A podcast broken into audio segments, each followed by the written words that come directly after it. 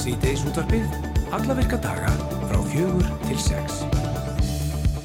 Og það er Andri Freyr Veðarsson og Guðrundi Seimilsdóttir sem ætla að stýra þættinum í dag. Það er nú búið að vera mikil Eurovision hátti hérna á Rás 2 í dag. Full mikið vissum um. Euroverkin hann hjá, andra, nei, hjá Dotta í morgun. Já, Dottanum, já, já. Já, já, og, og svo var náttúrulega félagsemilið. Jú, jú. En það er nú gaman að benda fólkið það sem er, sko, sem tala svona eins og ég. Full mikið eða eitthvað, kannski, og það er ekkit allir gaman af þessu. Bara, sko, fyrra kvöldið, fyrra undanúslita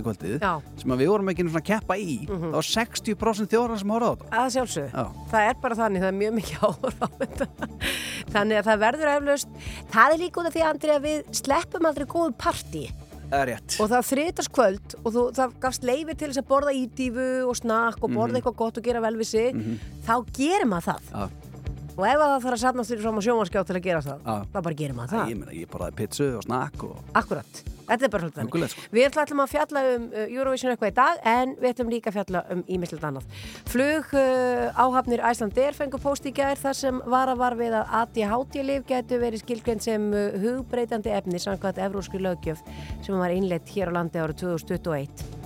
Löggjöfun er ekki aðeins ströng, heldur nokkuð viðtæk, en samkvæmt reglugerð Evrópusambandsins er algjört bann á hugvikandi efnum meðal flug áhafna og á meðal bannara efna eru lif fyrir fólk sem hefur greinst með ADHD og á línunni hjá okkur og eftir verður Vilhjálmur Hjálmarsson formaður ADHD samtakana og við ætlum að spyrja hann já bara út í þetta alls saman. Já, svo er það Eurovision sérfræðingarnir okkar Jóhannes Þór Skúlason og Markus Þórólsson sem að koma til okkar strax að lágnum 5.13 til að fara yfir stöðuna í keppninni nú þegar að ljóst er hvaða þjóðir taka þátt í úslutakvöldinu.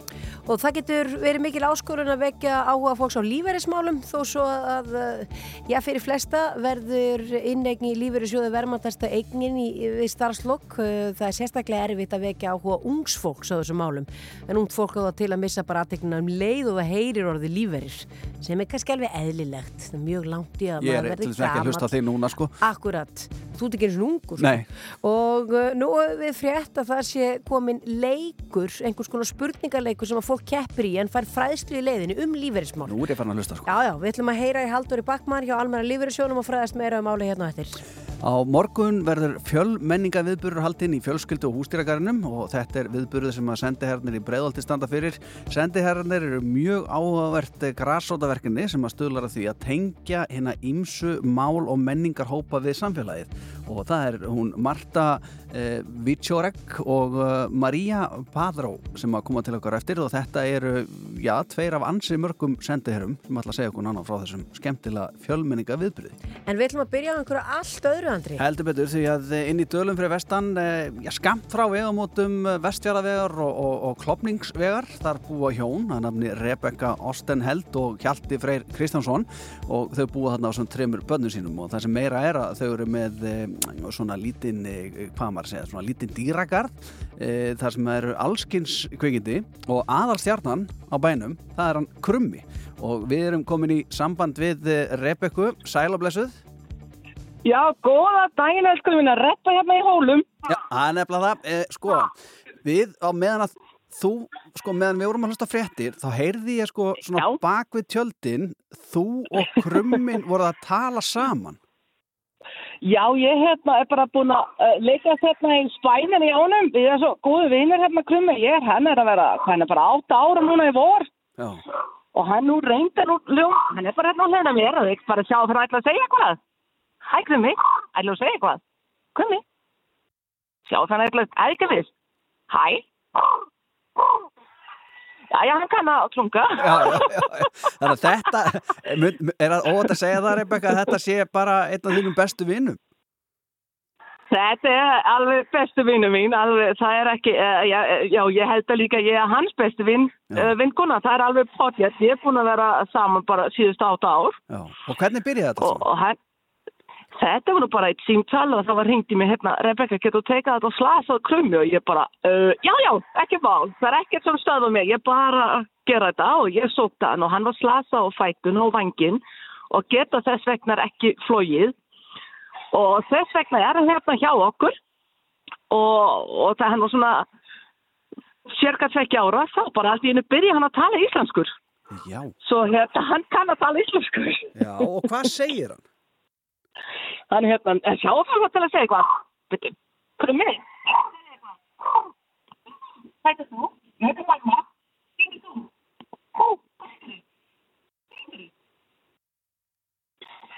Já, já, krakka, þið var bara að koma á förstu Ah, dag næstu vík og hafa bein útsending hengað. Já, er hann það er, hérna frá? hann er eitthvað feimin við okkur greinlega. Já, ég held það. Já, en, Nú, en hann kann að segja mamma, hæ mamma, ha, krummi, herðu, hættu, Gunnar, Baldasa, á, býta mig pötan.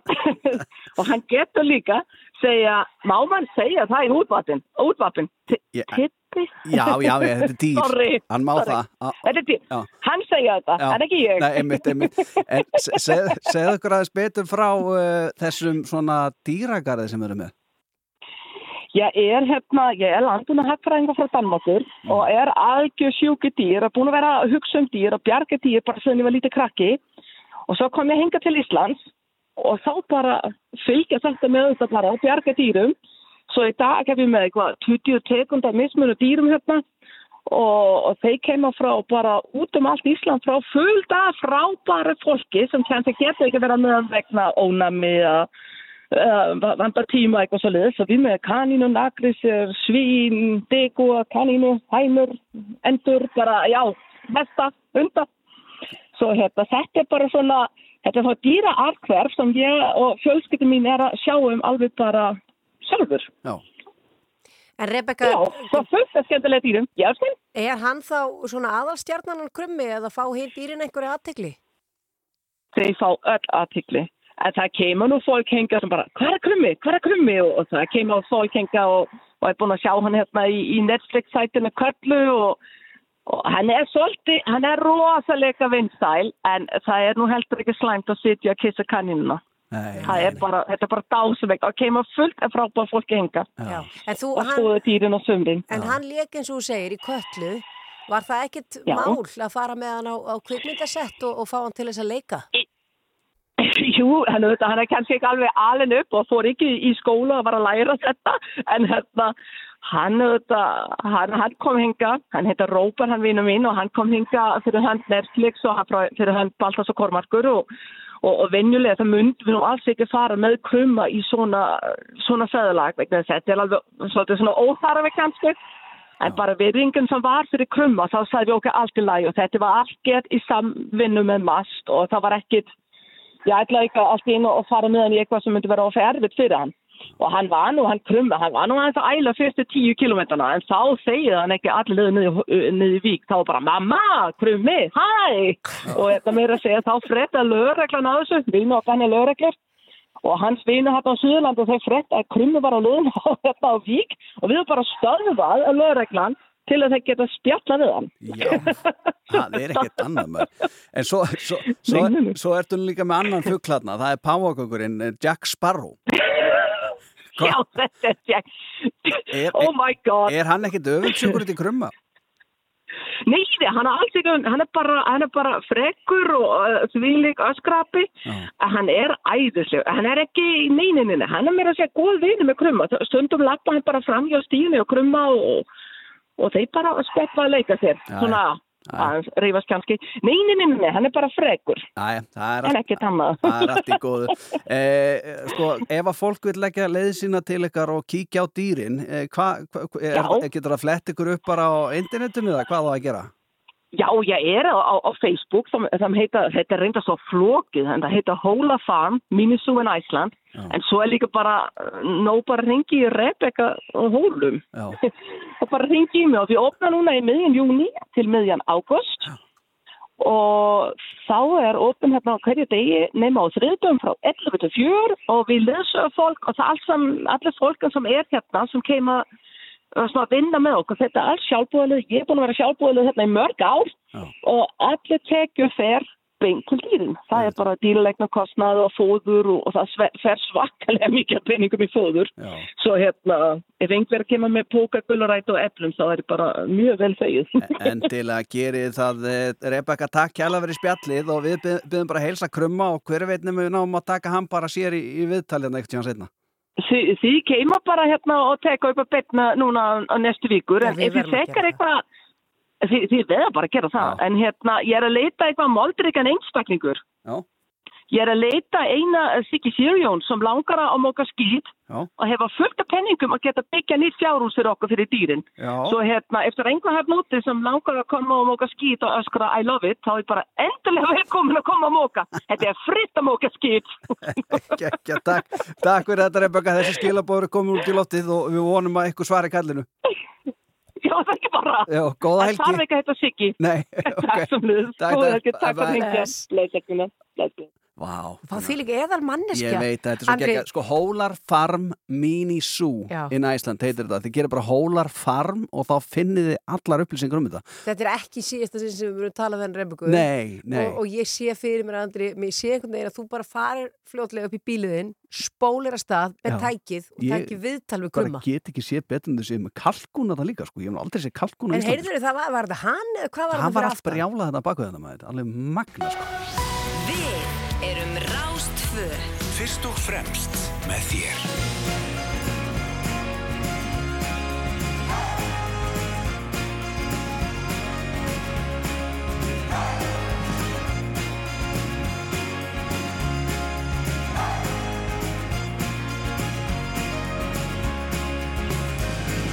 I don't like walking around this old and empty house. So hold my hand, I'll walk with you, my dear. The stars creak as you sleep, it's keeping me awake. It's the house telling you to close your eyes. And some days I can't even trust myself. It's killing me to see this way. Cause though the truth may vary, this ship will carry our bodies safe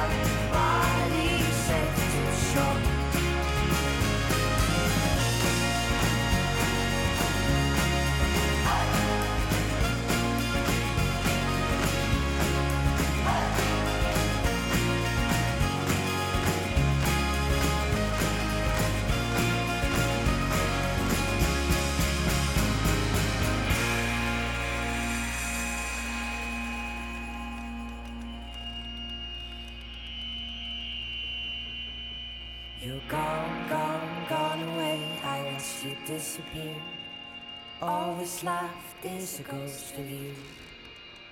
Now we're torn, torn, torn apart. There's nothing we can do. Just let me go. We'll meet again soon. Now wait, wait, wait for me. Please hang around.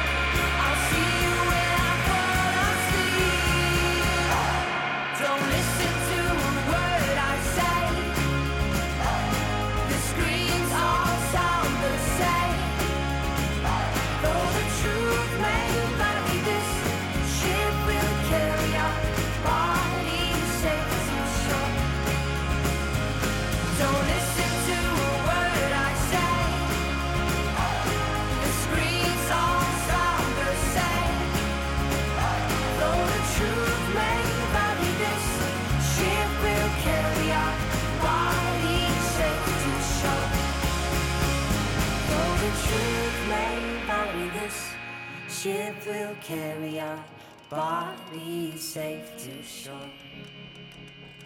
Though the truth may vary, this ship will carry our bodies safe to shore. Flug áhafnir Æslanders fengu póst í gær þar sem varað var við að ADHD-lif getur verið skilgrein sem hugbreytandi efni samkvæmt evróskri lögjöf sem var innleitt hér á landi árið 2021. Lögjöfin er ekki aðeins ströng, heldur nokkuð víðtæk en samkvæmt eh, reglugerð Evrópusambansins er algjört bann á hugvíkandi efnum meðal flugáhafna. Á meðal bannara efna eru lif fyrir fólk sem hefur greinst með ADHD og á línu hjá okkur er Vilhjálmur Hjálmarsson, formaður ADHD samtakana. Kondur sæll og blessaður Vilhjálmur. Komið sæl blessuð. Já, vissu þið af þessari löggjöf og, og hversu ströng hún er? Sko, þetta er svo sem ekki beint nýtt á nálinni. Þetta hefur verið svona í mörg ár. Þessi breyting núna, hún tengist stóru flugslýsi German Wings árið 2015 og er síðan breytt í eurósku fluglöggjöfinni hvað, átján að verða innlega núna á Íslandi. Sko, það sem að vera að gera þarna ákveðin að hátti líf byggja á erfandi efni vissulega. Þarna er bara verið að að banna öll efni óháð því hvaða magni eða hvers vegna þau eru nótt. Þetta er fornóta hugsunar. Það á ekki að gera þetta svona, ekki, ekki á þessari öll.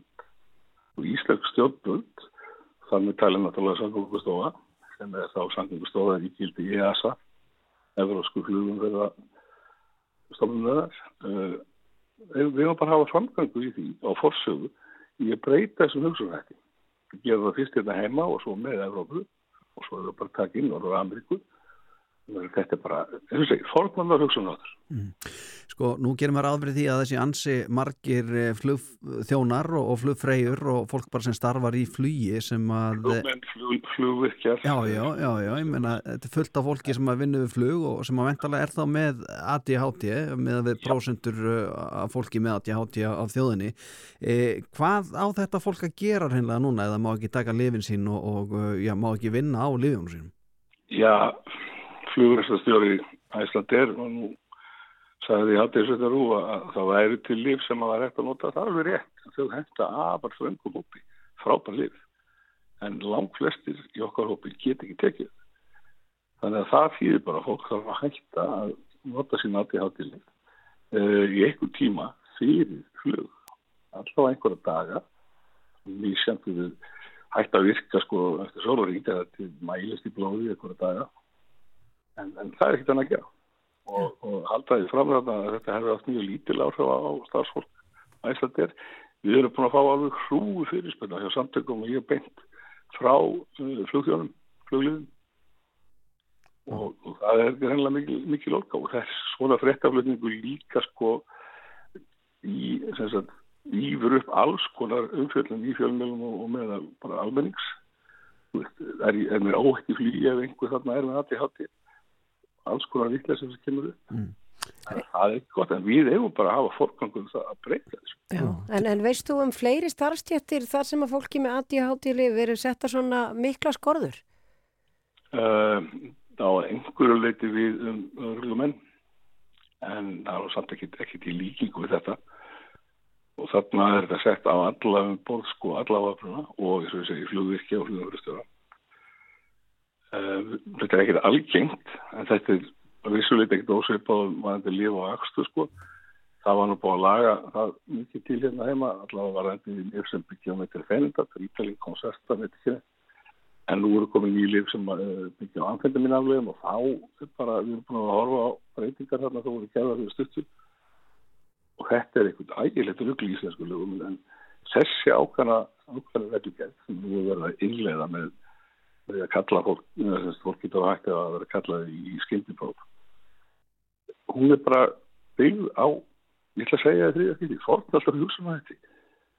Við vitum miklu meira núna og að banna hérna flugliðum að vera á, á okkur eilunlifjum sem hjálpar þeim að sko fungera ekki bara eðlega, þetta er bara jafnvel betur. Það er ekki út í hætt. En finnst þér eðlilegt að kalla ADHD-leg hugvíkandi efni? Hugbreytandi held ég að standa þetta. Sko, virku efninni í mörgum þessu lífum eru þess, þess aðeins að það er hægt að misnóta þau. Og í þess að á ennsku er þetta kallað sko substance abuse. sko, það er hægt, en það er líka mjög auðvelt að sjá í blóðpröfu hvort að einstaklingu sé með ákveði efni í blóðinu og það sé vel innan þeirra marka sem að rúmist innan þessi sko litla magn sem við fáum og í þessu litla magni er ekki verið að breyta heilanum okkar, hann er eins og að framheila stöðunar er að virka eðlilega. Þú þetta taka miklu meira og alltaf að máta til þess að teljist vera hugbreytandi efni. Mm. En þarna bara er, setjum eitthvað upptalning, þar með talið með til fendal og amfetamin afleður, af því það er kannski ekki hægt að amfetamin afleður frá amfetaminni. En, en í þessu litla magni þá bara er áhrifin allt, allt önnur. Þetta er einhvern fíkir sem er að sækjast eftir og svo framvegis. Já. Heldur að þetta jafnvel muni hýfa fordóma eh, gegn fólki sem er með ADHD og, og uh, hugsanlega að fleiri svona risastórir vinnustæðir muni taka upp uh, þessa reglur? Það byrjaði yfir fordóma. Já. Það byrjaði strax í kerkvöldi. Leið og þetta staðisum. Ekki endilega fjölveri, við fengum bara strax ábendingar frá einstaklingum. Hvort að ennur starri fyrirtæki? Nei, ég ætla að þetta vona ekki. Við erum búin að vera að reyna að breyta orðræðinu og umræðinu hérna. E, samtökin bara á síðustu 35 árum en alveg góður árangur fengist núna á 10-12 árum og við erum ekki hægt. Þannig að ég ætla að þetta vona það að þetta hafi ekki áhrif á eitthvað sko, fjölda stóra vinnustæða þetta meikar tingan sens þetta, þetta var auðvitað í hött En telur þetta muni letja... almenning, almenning, almenningur og starfsmenn til dæmis að ætla að dera og play það er strax komin ólga og hræsla þar Já, en telur þetta muni letja fólk með ADHD til þess bara að sækist eftir störfum innan flugkjærans? við erum svo kvartvísi ekki að það hvort þið er Það er nú láni í óláni. já, já, já, sko já, já, ég meina við erum búin að ganga í gegnum svona lengi við með hérna lauruglaskólanum sem heitum við eitthvað annað í dag. Og hérna okkur tókst að leiða þetta kursið þar all hressilega en, en meðan þá þá var fólk farið að, sem að langaði og ætlaði sér að fara í, hérna, þetta nám þá farið að hægt við. Já. og það með öruglega hafa eitthvað áfyrir núna innan, innan flugstéttarinnar það verður sko miklu erfiðar að breyta þessu varðandi flugmenn og flugverðarstjóðu til dæmis. Allt í lagi, það tekur á langa tíma.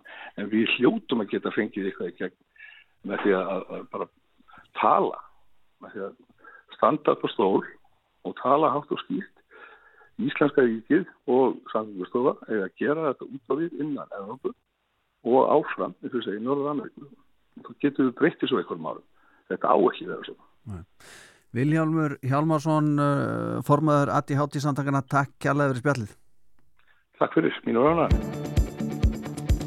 Hérna í uppæði þáttar uh, þá erum við með símtal, það er nú ekki frásögufærdi nema hvað, vorum að spjalla af hana Rebekka á hólum eða Bekka á hólum er svona kölluð og uh, hólar er svona mini-zoo, um, hólar farm Já. það finnir þetta á Facebook. Smá dýragarður. Já, það er alls konar dýr sem ættir að kíkja á og sem er hægt að klappa og, og svona knúsaka og, og svo er náttúrulega krummin, eh, krummi sjálfur sem að, við vorum að spjalla við Rebekku um hérna á hann sem að getur talað, hann kann að segja alls konar orð sem að hún var að Baltasar og það er nú ekki ástæðalösu því að Baltasar var að leikstýra krumma hérna í, í, í kölluseríunum en hún er búin að vera með hann fugli í átta ár og hann spjallar og segir ímislegt og uh, hún sendi okkur hérna svona mimband þar sem hún var að hita hann upp fyrir viðtali í síðisvotabunu hann var nú aðeins og feimin hérna við okkur en hérna heyrist hann að minnst að segja sitt eigið nafn og eins og hún sagði líka, hann kann að segja ha.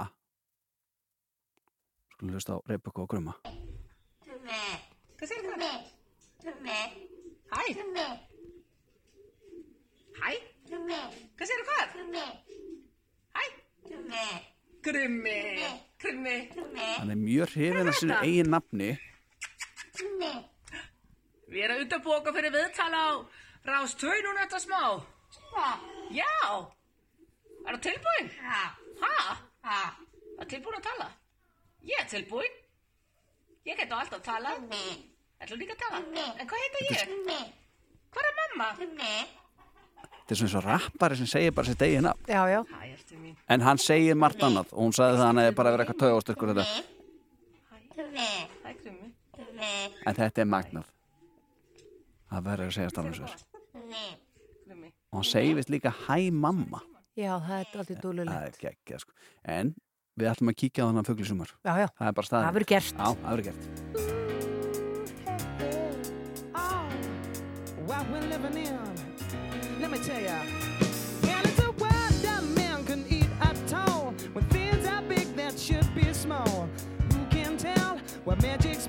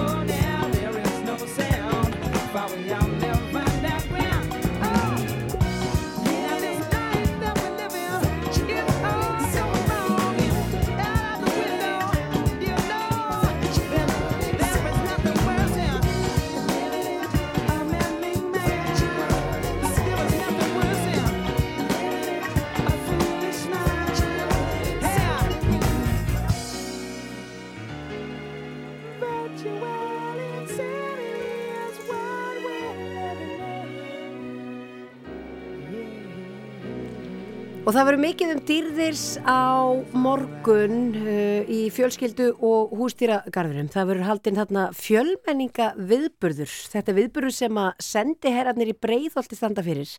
Sendiherrarnir er mjög áhugavert grasótaverkefni sem að stöðlar að því að tengja hinn ímsu mál og menningahópa við samfélagið. En uh, þær eru komnarenga til okkar Marta uh, Vietorek og Maria Sastre til að segja okkur betur frá þessu. Komið þið sælar. Já, sæl. Fór ég rétt með nöfnin, byrjum á því. Uh, já, það var alveg næstum Næ, næstum í lagi. Já, Já. mín vann líka. Já, æ, hvað er gott að Það heyra. hefur oft verið verra. Já, Já, já, Já. já. Þess að við eigum erfitt að segja sumu íslensk orð, það Já. er bara, já, já, þetta er bara svo leist. það er bara svona list. Það er bara svo leist. Herru, byrjum aðeins á að þið segið okkur aðeins betur frá uh, sendiherrun í breiðolti. Já, eins og þú sagði, þetta er verkefnið sem um, er frá venjulegu fólki, það er engin alvöru sendiherra í, í, hérna, í okkar hópi, en við erum uh, tengiliðar okkar hópa um, með íslensk samfélagið og stjórnendum á vegum Suðurmistuð þar sem við erum í, tengjast mest með. Já. Og þetta er bæði til að komast upplýsingar frá íslenskum samfélagi til okkar og hópa og líka öfugt ef við erum með einhvað hugmyndir eða ábyrningar eða einhvað sem við viljum komast fram og það er kannski erfitt fyrir venjuleg fólk að komast með eitthvað til stjórnum, stjórnum þá erum við tengilítar til þess. Já. Og ég menna, María, hvað er þú til dæmis búin að búa lengi hér? Ég er búin að búa á Íslandi, ég ætla að segja núna í kringum 19 ár. Og kemur er frá... Ég kemur upprunalega frá Spáni Já. og hef búið á Íslandi og í Noregi og í, í Hollandi líka. Já. Já. Ert þú þá sendera fólks uh, frá Spáni? Ég er sendi herra fólk, svona spanskumælandi fólk á Íslandi, að því að eins og því vitið það er spanskan er talað á ymsum löndum og flestum löndum í Suður-Ameríku og Centra-Ameríka og Nord-Ameríka líka í Mexiko Já. sem eru 128 miljónir, þannig að já. svolítið margir spanskumælandi þarna. Einmitt. Og já, ég er sendi herra fyrir, fyrir þau. Já. Þannig að allt upplýsingar sem þarf að miðla frá stjórn eða frá frístundamistóð eða eða kostningar, þegar voru kostningar þá vorum við líka þýða efni Já. og senda frá okkur til okkar fólkið, af því að það gerir líka múnur. Ef, ef upplýsingar er sendt frá Reykjavíkur borg, svo það stendur líka spansku. Það er óðruvísi heldur en er upplýsingar eru sendt frá ein af okkur til okkar fólk. Já, Ég skil ekki einu sem upplýsingarna sem koma frá Reykjavíkuborg. En Marta, ert þú þá sendera hvaða fólks? Ég er uh, sendið herra uh, Pólverja á pólsku mæ- mælandi sem sagt. Já. Búin að vera á Íslandi í 15 ár. Já. Og það eru margir uh, já, af pólskubergi brotnir hér á landi. Já, er það ekki stærsti hópurinn? Já, ég held að það sé stæðstu hópurinn. Þannig að það er brjálega að gera á þér vantarlega. Uh, nei, í rauninni, við erum bara að fýða texta og svo við vitum í hvað hópa eða síður eigum við að setja það inn svo flestir uh, geta lesið það. Já. Og ég verða að spyrja ykkur þá, af því að þið einmitt eru það eh, fulltrúar fólk sem að flytur hinga til lands og kýsa búa síðan hér á landi. Hvað er það við Ísland sem er svona frábært að- að þið kjósið að vera hér en ekki já, bara frá ykkar, uh, ykkar löndum? Það er allt annar land. ég meina, það er alltaf svo sérstök hér. Sem er auðvitað að koma hér til að vinna og fá betra laun og svona, en ég til dæmis kom hingað að ég las mikið um Íslandi þegar ég var í framhaldsskóla og mér langar svo mikið að komast hingað. Svo þegar ég heyrði að það vandar alltaf leikskólakennurum og ég einmitt kláraði háskólanám sem leikskólakennari, þá ok, frábært, þá er hægt að gera bæði í einu skoða landi sem mér langaði alltaf að skoða og svo líka vinna í þetta sem mér langaði að gera alltaf. Já. Já, ég hugsa að þetta sé svolítið svona tækifæri land, hugsa ég, af því að Ísland er lítið land og það gefur svona meiri svona sveianleika. Þannig að ég hugsa, ég segi alltaf fyrir fólk sem er nýkomin til landsins og ég er að halda fyrir lestur fyrir þau eða eitthvað, þá segir ég, þú veist, hér ef þú ert með einhverju hugmynd og því langar að gera eitthvað, þú getur reynd og prófað og í flestum tilfellum þetta gengur. Og þetta rætast og þetta er eitthvað sem maður segir á íslensku mikið, þetta rætast, en það er sagt það þú getur gert hlutir þannig að þetta er tækifæri í land, ég sé þetta svona Mm, það er gott að heyra. Eh, á morgun er fjölmenningadagurinn í fjölskylduhústyrkarinu. Já. Þá koma nú fleiri sendirar en þið tvær eh, saman og, og eh, þið ætla að halda, já, helgarinnar hátíð bara, þeim minna það verður alls konar í bóði og þið verður væntalega að gera eitthvað annað en að þýða texta þar. Já, Já. við erum uh, rúmlega 20 núna Mhm. uh, sendiherrar uh, og þetta er svona um cirka 14 uh, hópar í rauninni en 20 sendiherrar, við sem stundum eru tveir af sama tungumáli eða hóp Já. uh, og já, við ætlum að hafa gaman á morgun, heittast saman og, og eins og var sagt ce celebrate di di diversity Já. og um, það verður uh, tónlist og um, dans úr uh, öðrum löndum synd fyrir Íslandinga og svo verður íslensk uh, fjóðuréttir held ég líka fyrir okkur að smakka. Þannig að þetta á að vera svona tenging milli íslensk samfélagið og okkar hópa. Það er skemmtilegt. svo við getum kynnast hvers öðru. Já, Já. Við, viljum, við viljum sem sagt, bjóða svona fjölbreytileg dagskrá. Og þetta er ekki viðburður bara fyrir fólk að verða njóbruna og þetta á að vera skýr fram. Þetta er líka fyrir fólk af íslenskum uppruna. Mm einmitt. Þannig að allir hvatir til að koma. Allir hvað til að koma og, og láta, þú veist, að sjá hvernig menningaheimurinn er í öðrum löndum og þetta er bara mjög fallegt tækifæri. Já. Þó veðrið verður ekki svo skemmtileg. Það verður íslenskt. Það verður Já, það verður íslenskt. En það verður bara ennvitt. Það er það sem við komum með, það er veðrið. Já, já. Eh, og það er öllum frjálst að mæta og... eh, Kostar ekki inni það? kostar ekkert inn og köpisaðgangu og svo matur er líka eh, sem, sem, eh, sem við erum að koma með sem, sem við erum að koma með. má smakka og svona, já, það er alltaf óköpis og klukkan hvað hefst þetta? Mellir 12 og 4 Vá, þetta er frábært. Við hvetjum alla til að fara í fjölskyld og hústýragarðin mellir 12 og 4, Íslands veður eh, alls konar matur og bara mikið fjör. Takk helga fyrir komina Marta og Maria já, Takk fyrir okkur.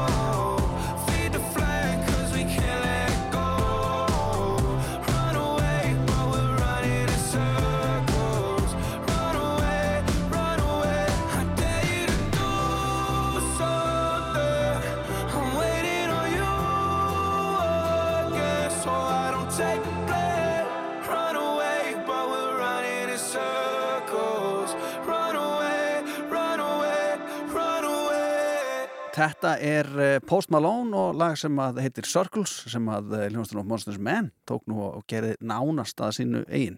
Hérna rétt á eftir þá ætlum við að demba okkur í Eurovision eh, spjall við okkar eigin sérfræðinga og já, það er ímislegt sem að þeir segja sem stendur þannig að við ætlum að, að sperra eirun hendur hérna smástund tróðra fréttir. Alltaf helsta. Sýti í sútvarpið frá fjögur til sex á Rástvöðu.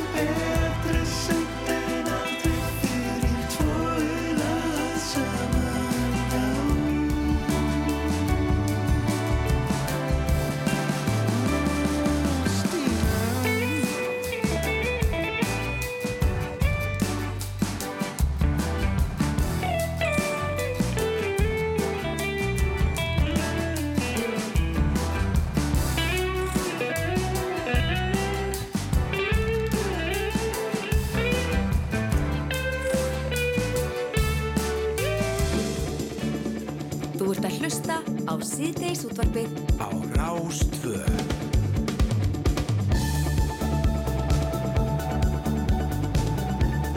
Við ætlum að halda áfram með því síðdegistöpunni og nú er það Eurovision. Andri, ég verðum að hafa næstur að vera með stefi. Du, du, du, Já, ég veit du, það. du, Ég veit du, það. Já, já, en við erum með mjög margt annað samt í þessu Þú því að við erum með aðal Eurovision sérfræðinga landsins hérna hjá okkur og það eru Jóhannes Þór Skúlason og Markus Þórhaldsson sem eru hinga komnir, þeir komu líka til okkur í gær, voru að spá í spilin og núna svona eh, vitum við meira hvernig þetta liggur á úrslutakvöldin og þeir eru hinga mætti komið í sælir. Já, sælir. Takk fyrir, takk fyrir. Gaman að sjá. ekki pressa, aðal sérfræðingarnir. Engin pressa, ég, það láfið, ég heyrði þetta ekki. Nei, nei, nei, nei, nei. En hún er bara að reyna að hafa okkur góða. Já, já. Gerkvöldið, eitthvað sem kom á óvart. Má ég?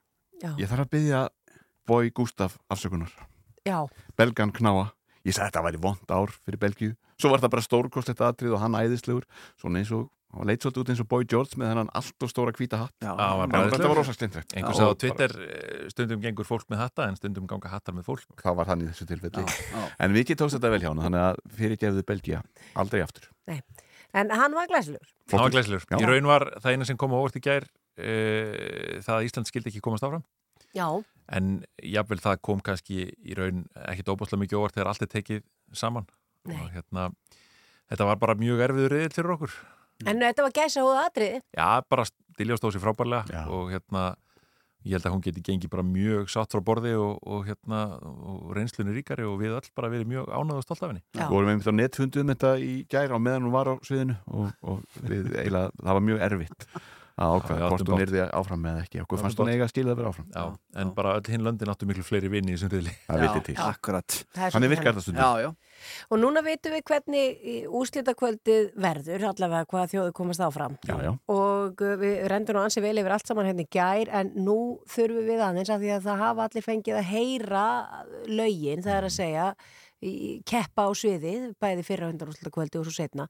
Nú þurfum við aðeins að renna yfir þessi lönd sem að eru sjálfkrafa með í keppninni. Já, við ætlum að skipta þessu svolítið á mill okkar Já, við byrja á aðeins á fá smá hljóbrot frá Spáni, Andri. Já, ég skal taka spá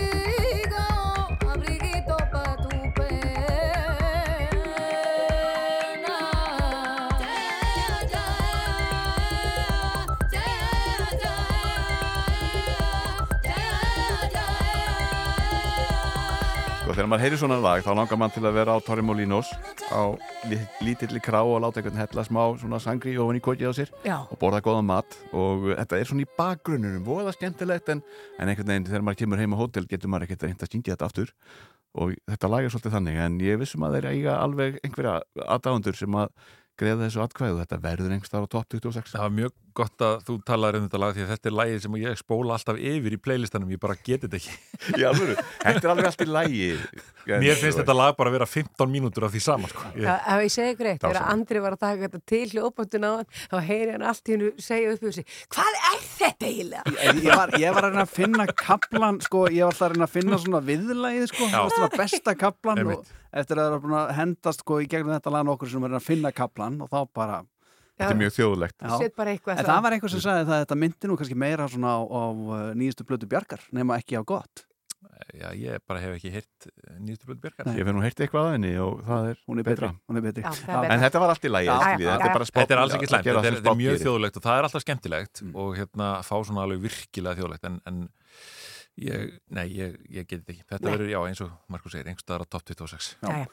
Eh, Þá ætlum við að fara yfir Þýskaland, hlustum aðeins á það.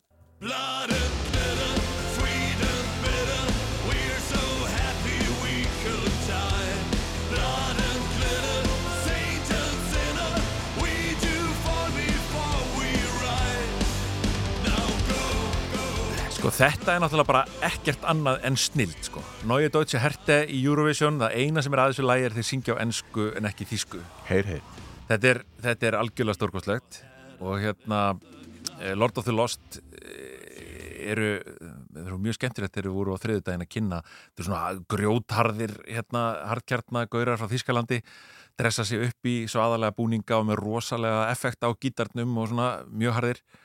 Eh, og svo safnar hann Disney könnum Ó. þetta er bara eitthvað svo sætt. Þetta er eins og fallega Já, þetta er er frábært lag og hérna, ég, ég er að að undibúa það að vera Þýskalandi í partíina morgun. Já, ok. hérna, þannig að það verður, verður mikið stuð og, og, og gaman Gekja. Er svona, e, þe- svona árið 2023 í Eurovision er meira um svona þungarokslegri lög núna heldur en í keppnarum með náður?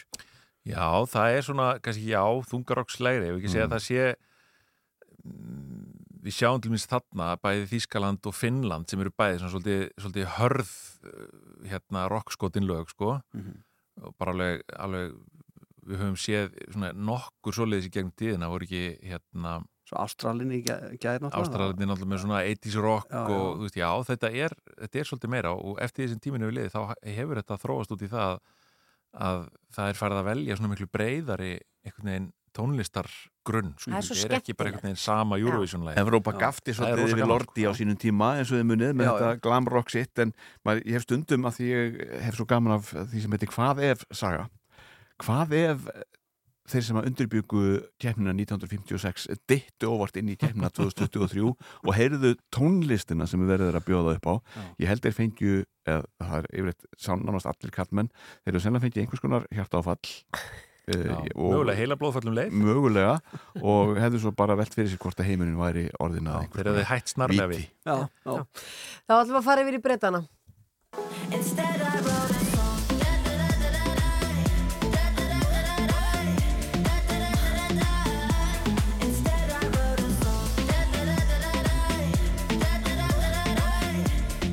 Já, ásamlegt.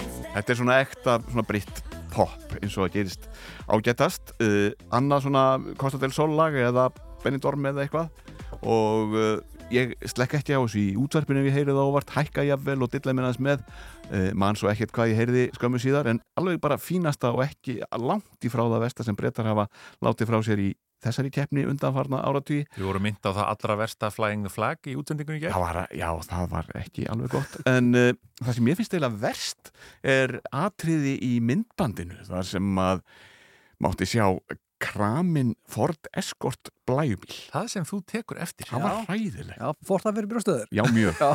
En ég hugsa að þetta hafi nú verið hvort er ónýtt skrifli sem var ákveðið að fórna og svona en uh, fyrir bíladöflu mann þá var þetta voða á það Já, já, þetta er maðurinn, við erum að tala um sko, þetta er maðurinn sem að horfði á ástaska atriði í gær og í öllu sem var að gerast þar þá saðan, hvar fengu þeir Toyota MR2? Æ, þetta er Þannig að, hérna, já, en Já. þetta er svona, þetta, þetta er lag held ég sem að mun ekki gera hann inn á rósir, það er því miður slakara á sviði en í útvarpi. Já, en þetta er gott, þetta er gott útastlag. Þetta er gott útvarpi, bara, og kæmi mér ekkit óvart að muni lifa í Já, útvarpi. ég vona að þetta það. slagari allavega í, í, í sumar. Já, já, eitthvað langt fram í næsta ár Já, þá förum við yfir til Ítalíu. Se questa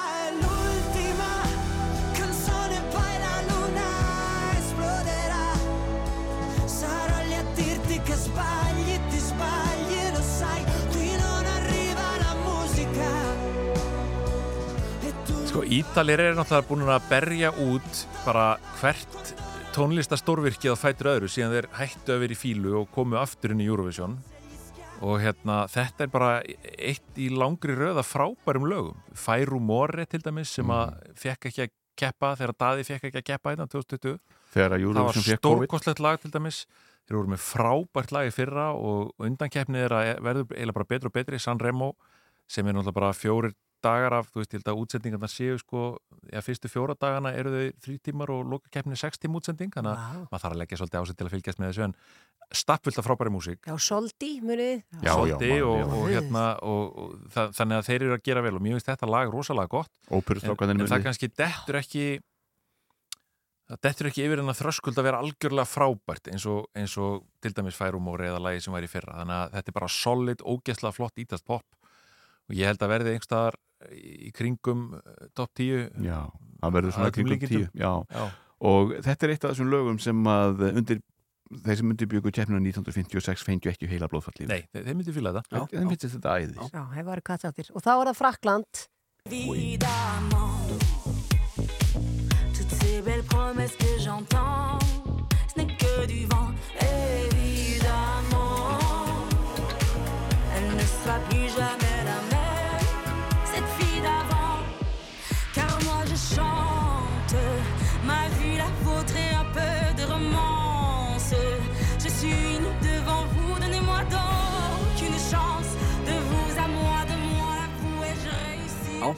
Ég lík dásemdarfegurð. Já.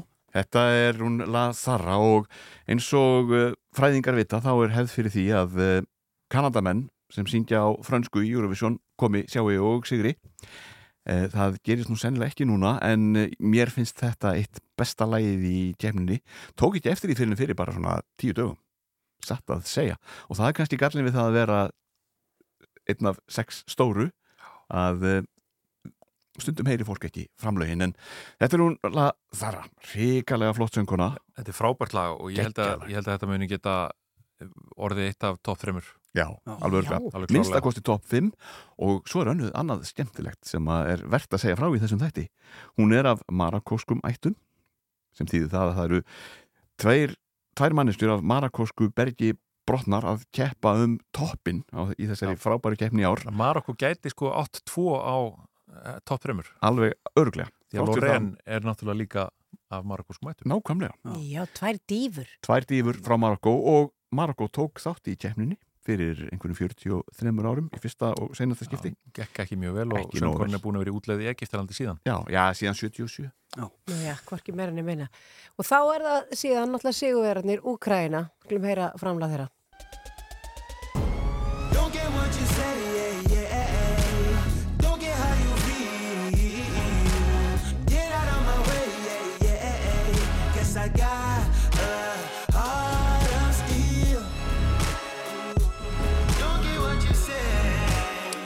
Sko, ég held að við ættum ekki að vannmeta þetta lag. Þetta lag er, hérna, mér leist ekkert á það þegar það var valið en það hefur unnið rosalega á, finnst mér.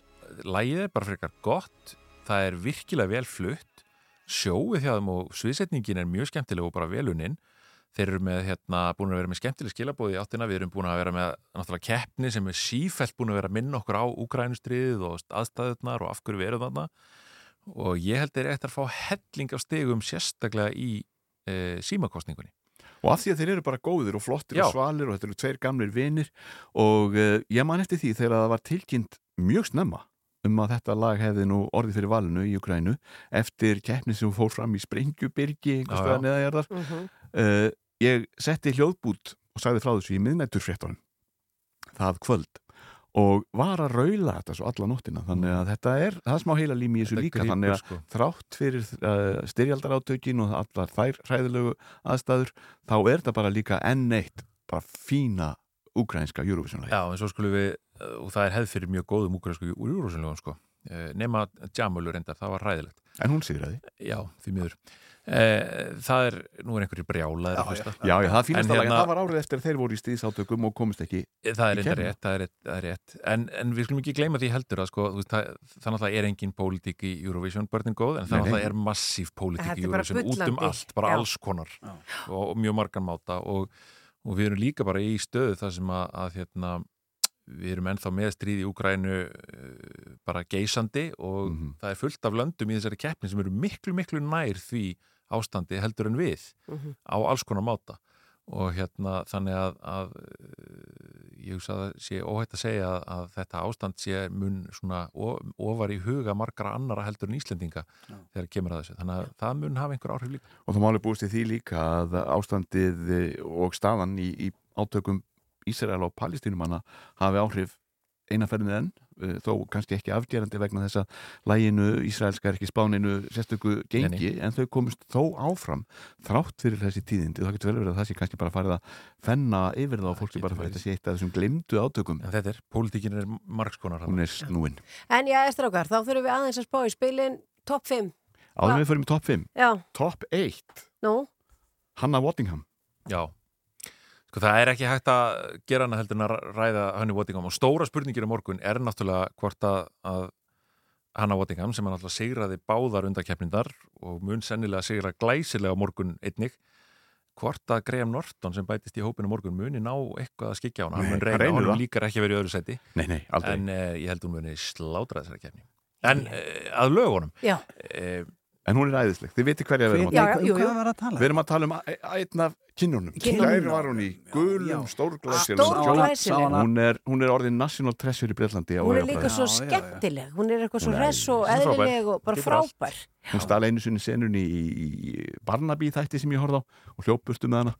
Þetta var bara Waddingham stelur er, senunni eru mjög ánæðir í Breitlandi með her willingness to take part in the silliness þannig að hérna, þetta er skemmtilegt. Já, hún er örgulega þannig típa. eh, En já, tónlist, Markus, tónlist, Já, tónlist, já. Hérna- En hún gætt sungið líka. Já, Getur verið, já. bara verið fulltrúi Breitlands á næsta Getum talað um henni, henni Waddingham örgulega mjög lengi. Getum það, en gerum það ekki núna. Sko, eftirsæti. Já, eigum við ekki bara að vera sammála um að vera sammála? Jó, ég held að Finnland taki þetta bara. Já, við erum bara alveg Við erum að fara til Tampere á næsta ári. Það er bara svo Já, byrjaði að bóka hótel. Eða Turku, það getur verið gaman að fara til bæjarins það sem getur farið með bókasafskýrtinni þitt og fengið ramagsbíl Þið haldið sem sagt að finnarnir mjög taka Lorín. Verður hún þá í Já, öðru Já, seti? Sennilega. ég held það já Já, jafnvel þriðja Við, við, við spáum því að þetta verði líklega þannig að eftir e, að e, dómnefndastíin verður komin í hús Já, stiga gjöfin hérna sem allir þekkja aha. að þá verði annarkvort Lorraine eða, eða Lazarra franska á toppnum. Það er tvær líklega efstar Já, já. og finnin kannski í svona femtasæti fjóruða, sjötta. svo svo muni hann Já, svo muni pubullin kjósa finnan upp. Það er bara bylgja með hon Já. og hérna og hann er á réttum tíma með þessa bylgju með já, sér. það, það er Lorraine er ennþá efst, lang efst í webbankunum en, en eh, og ef allt væri eðlilegt þá, þá það getur vel verið að við höfum rámt fyrir okkur og webbankunni rétt. Þeir hafa Við höfum nú stundum haft rámt fyrir okkur. en, en ég, ég hef trú á því að, að finnin muni, muni taka þetta, það sé verið að vannmeta Og það verður þá, og svo eru þá Lorín og svo franska og kannski ef við nefnum bara tvönu sem getur verið uh, í toppin. Úkrænumennir Já, já, alveg Úkraína- nokkuð örglega svo gætu til dæmis Tjekkland, Austuríki mögulega komið mjög óvart Tjekkland, Austuríki, Ítalja það er Ítalía, svona fymta, fymta land einhverstaðar þarna. Já. Austuríkja flott Bráð skemmtilegt Já, já. Takk. Hver fjárin er Edgar Allan sagði, þegar ég saði þetta og horfði svo hérna á sérfræðingana ég hugsaði, ó, er ég bara eitthvað kjáni hérna og svo bara, er já, það er fínt Þú ert með þetta. yes, Þú ok. ert með þetta. Það verður alveg stór skemmtilegt og, og, og gaman að fylgjast með þessu á morgun og einmitt hvort þetta verði ekki svo eins og þau eru að segja þetta með Lorín og það fransku og svo allt í hennu komið. En við frábyggjum okkur þetta var í fyrra með hérna, með eh, það ekki í fyrra, sem að, nei þegar að Ítalið runnu Já, í hitti fyrra. Í hitti fyrra. Þá var þetta svona, það var, það var svona frekar róleri lög sem voru og svona kannski meira normal já. sem að voru efst eftir djúrivotið sko. Og svo bara komu Ítalinir og rústuðu símakostningum. Já. og ég held að finnarnir muni taka þetta svoleiðis á morgun. Og til gamas e, frábærasta framlag til Eurovision keppninar var, sá ég sett saman á einhverji, einhverji síðu núna í, í dag e, eftir sæti var Waterloo. Öðru sæti var Dancing Lanza, La, Lasha Tumbai Mhm. ukrænska lagið með þeirri frábæru dragdrottningu. Í tíunda sæti var Måneskin og í níunda sæti af öllum þeim lögum sem hafa tekið þátt og sigraði í Eurovision á 50, 67 árum var Daði Freyr. Já, sko, frá 2020 Og við munum sjá hana á morgun. Við fáum að sjá hann á morgun Já, en því miður þurfum við vandalega að býða þá til eftir keppni vegna þess að ríkisútvarpið sýnir alltaf auglýsingar þegar það er og það ætti gjörsamlega að hætta því því að við aðdáendur erum orðin mjög leið á því. Svo því sínum komið á framfæri hér sendingu maður að- pissa? En Jóhannes Þór og Markus, takk kærlega fyrir uh, komuna. Ástafþakkir fyrir að bjóða okkur. og, og bara gleðilega helgi. Gleðilega helgi.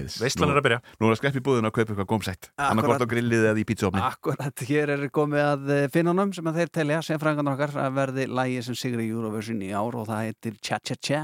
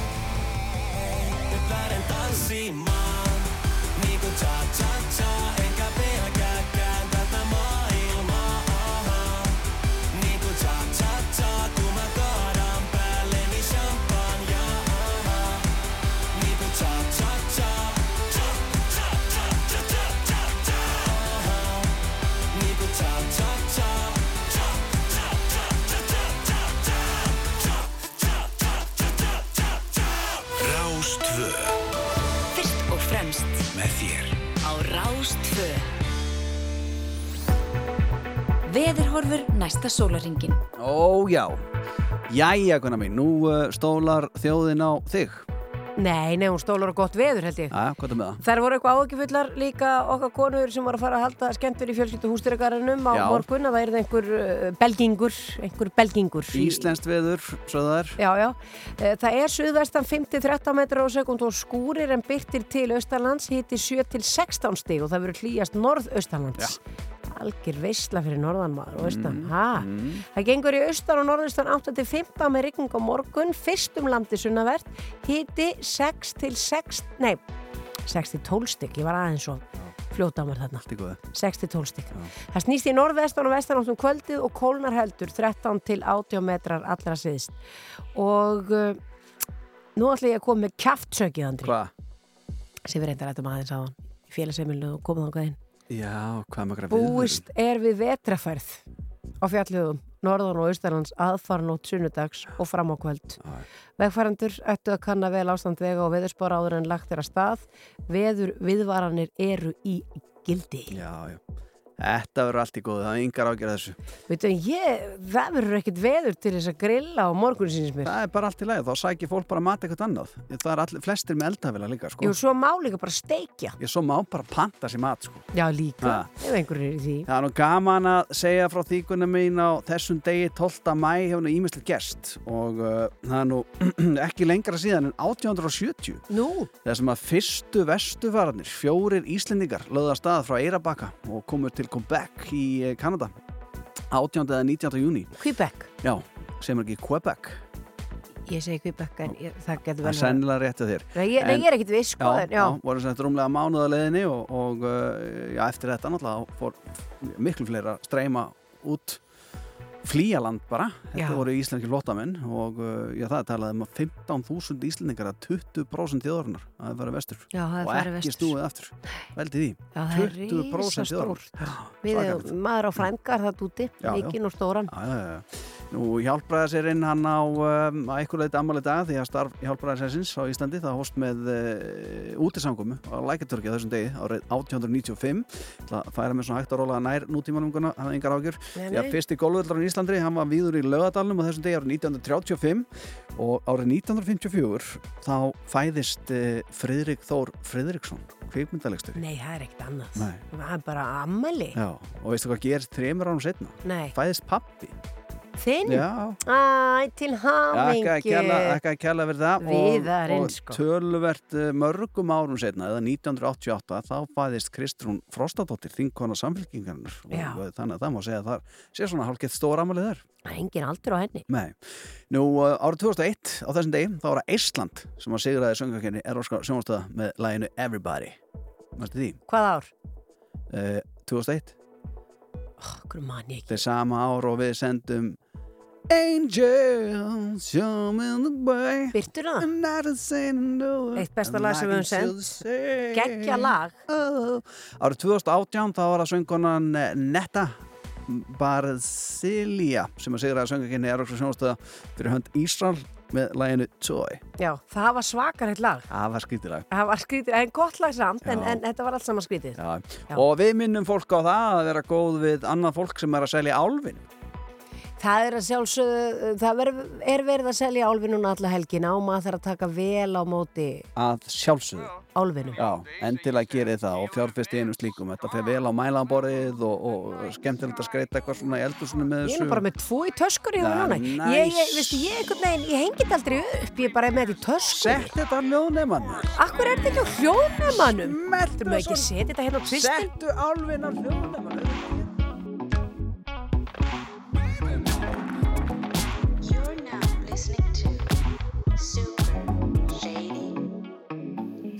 Fjólublatt flögel Þú veist finna þig og sjá aðra Átum sprengja og kinnbomba en nærðu mér. Myndi bara fara að koma mér. Ég er að hafa spett á eftir þér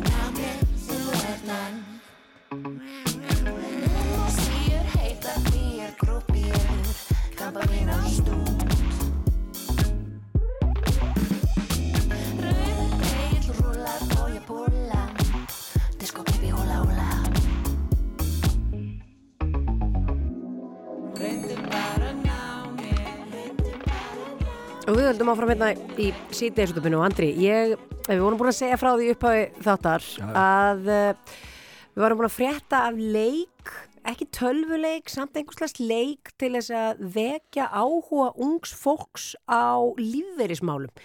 Við erum ekkert alltaf að pæla, ég, Nei, nei. ok, það minnst nú alltaf heiður og ég sé flokka okkur sem ungt fólk, við erum náttúrulega alltaf gömul en, en ungt fólk er ekkert alltaf að pæla í því hvað það muni hafa í útborgu laun þegar það er hægt að vinna. Nei, þetta er vissulega galin og krefjandi pæling. Já, já, þetta er það. Þetta er svo langt, er svo langt í framtíðinni Já. að mann er ekkert að velta þessu fyrir sér. En við heyrðum sérst af því að það er komin einhver leikur til þess að vekja aðtegli ungs fólks á þessu og þetta á að vera eitthvað rosa skemmtilegt. Það er maður á línu hjá okkur sem heitir Halldór, Magma, Halldór Backmann, segi ég, og hann er kynningastjóri hjá Almenna Lífeyrissjónum og hann veit miklu meira um þetta mál. Halldór, er hægt að gera lífeyrismál já, skemmtileg? Já, það, þú segir, það er stoltur spurt sko, það er, ég er búin að, ég er búin að súpa ymsa fjöruna í, í markas- og kynningamálum á efinni og, og síðustu tíu árun af starfsæðin er ég búin að vinna í, í markas- og kynninga- kynningamálum og ég er búin að fyrir, fyrir almenna lífeyrissjóðin og það eru bara, uh, það er skemmst alveg því að segja, það er stærsta áskorun sem ég hef tekist á við að gera lífeyrismál spennandi fyrir einhverjum og hvað þá ungu fólki. Og eins og það var alveg rétt sem þú varst að segja og þið voru að segja í upphafi að ungt fólk bara lítur á þetta sem bara, þetta er svo langt, það er svo langt til ég, ég hérna fyrir eftirlaun. Að lífeyrismál er eitthvað sem að fólk er ekkert að pæla í, vill ekkert pæla í fyrir bara þegar að kemur að því að taka eftirlaun sko. Já, þannig að já, þannig að þið Já. gerðu hvað? Sko, já, við, við, við erum búin að vera að reyna ímislegt bara til að gera þetta á einhvern tátt hérna, áhugavert og það, það er eiginlega bara fólk er farið að dotta á öðru atkvæðum leiðum að talar um líf eirismála þá bara fólk farið að sína manni kvítuna í augunum sko. það er bara þannig og hérna en, en við komumst að einu eftir að við búin að, vorum búin að gera ýmsar tilraunir þá, þá hérna fórum við að, að nota okkur Kahoot til þess að, að vera með leiki og þegar við fengum, fengum fólki í heimsók þá, þá hérna, byggum til Kahoot leiku og þegar við vorum með vísindaferð þá, þá tilkynntu það strax að þið eru ekki komin hingað í nennan vísindaferð sko. Þið eru komin í keppnisferð. Þið er að fara að keppa í, á hérna, lífeyrisleikum almenna lífeyrissjóðsins. Takk fyrir. Og það var bara stemmingin breyttist bara 1, 2 og 3 þegar að maður þegar að við, við hérna eh, byggum þetta til Já. og allt í hennu fór fólk bara að fylgjast miklu betur með og það var bara, þú veist, það kom svona keppnisfílingur í þetta Er, þetta, Og er, er, er, þá endakallan í þessum leik eða hvernig er þetta eitthvað svoleiðis eða? Hvað séu þau, endakall? Er ekki alltaf endakall í öllum leikjum? Míning. Nei, þetta er ekki svona eins og í Super Mario Nei, ég er meina, svona bara er ekki alltaf endakall. svona, maður lítur alltaf á eitthvað sem svona endakall, eitthvað svona loka markmið í leiknum. Þetta er spurningaleikur Já, sko, jú, Þetta er þetta er, er spurningur, sko, já. Þetta, þetta er forsagan, þess, við byrjum á því að finna, finna það út, að, bara, we, we were on to something, sem maður sletti það aðeins, að við vorum, við vorum komst að því að það væri eitthvað sem hægt var að gera með því að búa til keppni. Og, og svona, við, við vikkuðum þessa kátt-fílingu, eða kátt hérna, hugmynda eins út og, og hérna, byggum til leik á netinu sem, heit, sem við kallum raunveruleikur almennar, þar sem við erum að, að spyrja fólk, bara spyrja fólk svo þungra spurninga um, um lífeyrismál og fjármál og af því að það er ekkert, veist, það er ekkert grín ef, ma- ef maður gerir mistök í, í fjármálum eða í upphafi starfsæfinar þá er það ekkert grín og maður getur lent í, í ímsu með það. Þannig að það er, eh, við vildum bara hafa leikinn raunhefan og daldi erfiðan. Þannig að, þannig að fólk bara átti að sé á því að það væri að takast á við alvöru mál enda eru, er þetta svona bara frumskóður á framandi hugtökum sem fólk er að horfa við þarna í, í upphafi starfsæfinar, bara allt í hennu bara þarf þú að skilja hugtak sem að heitir sem er viðbóta lífeyrisbarnaður eða sérregnarsjóður og, og hvað er þetta eiginlega og hvað, hvernig virkar þetta? Þannig að hérna uh, við byggum til hennan leik. Og þú þarft að, svara þremur spurningum rétt í, í hverju að þremur þrepum, þre, þrjú þrep og þau eru þau þingjast smám saman. Þannig að þetta verður þetta hérna þið byrjið frekar létt og síðan svona smá saman þingist leikurinn. Og, og ef að þið klári leikinn þá er þið, eigið þið séns á, á velunum. Já, já. Og hvernig, og hva, hvað fær maður í velun? Og ef þú ert heppinn, Já. þá getur þú unnið 50 skronu gjafakort. Já, já, já. Eða, eða innegnarkort í, á hérna, á veitingarstað. Já. Nú, nú. Tíu, tíu, máltíð, tíu máltíðir á, á lokal salatstanum hérna í Borgatúni. Já, já, það slefa nú upp í 50 skall. Já, já, þetta er flott. Það, Og já, er, við vonum það að mista kosti, þetta, þetta fái, fái hérna góða viðtöku. og er Haldur, er unga fólki að taka þátt í þessu? Við erum alltaf nú þegar búin að fá, fá slatta af, af uh, þáttöku, þannig að Og að ég vona, vona að þetta haldi þannig áfram. Má miðaldra fólk taka þátt í þessu líka? Já, það er nefnilega, sko, ég hef alveg séð fólk sem ég kannast við sem að er miðaldra og er að, er að taka þátt í þessu, aðeins að spreita sig á þessu. Þannig að hérna, það er, sko, málið er náttúrulega bara það, að fólk eins og, eins og við komum inn á áðan, það er ekkert að endilega setja sig inn í þetta þó það sé kannski komið á, á miðanaldur. Og það er allt og mikið um það að fólk, fólk hérna, eh, hvað segir maður, vakni upp við það þegar það er 60 og eitthvað að, að heyrðu já, heyrðu, ég þarf víst að fara að hætta að vinna og hvað hva gerist þá sko. Já, það er og það er bara gaman að því og ekkert, ekkert að því að fólk takir þátt í þessu. Já, og það er hægt að fara inn á síðuna almenni.is skástrygg raunveruleikurinn raunveruleikurinn, þetta er raunveruleikin það er bara þannig, já, já. Já, þetta er raunveruleikurinn. Þetta hljómar allt saman bara mjög spennandi. Gangi ykkur vel með þetta Haldur Bakmann við erum ána með þetta framtak að að Er það vera fræða ungd fólk um lífeyrismál, þetta er alveg Er, er, sko, er eitthvað svona þegar maður situr, kannski situr maður kennitölu sína inn eða eitthvað slíkt, ógildur eftir eitthvað ákveðin aldur eða? Nei, þú, nei, þú setur ekki kentulegin inn, það er bara, bara skiljið og setur, setur hérna okay. uh, netfangið, þannig að þá veistu hvort þú byttur unnið eða hvort þú innur eða ekki. Já, sko. Andri má vera með, þetta er flott Ég ætla að gera Já, það. Andri má vera með það, já, Já, já, ég mun þú- taka þú gildi. Nei, á slæginu En svona, sex, þetta er svona það til- tekið þátt. Já, Já. endilega. Haldur Bakmann hjá Almenna lífeyrisjónum, takk fyrir að vera á línni hjá okkur og góða helgi Takk fyrir spjallið, góð helgi. Bless. Bless, bless. Já, hérna er allt ennú til maður. Þannig að ef þetta hefði verið til þegar við vorum í alveg núnt fólk, værum við kannski komin að eftirlinn dag? Nei, varum við í miklu betri málum allavega Já. en ég er að velta fyrir mér sko eru endakallar, er það hætt í öllum leikjum núna? Ég veit hann ekki, sko. Þess vegna, ég, mér heyrist á Halldóri, hann veit ekkert um hvað ég er að tala, ég er að tala um endakall, sko. Nei. En það var nú bara ekki leikur eða sem væri endakall í gamla daga, á sko. sínum tíma Já, já. en þetta kannski segir það að við erum án meðaldra Haldur og ungu maður, sprækur Vissulega.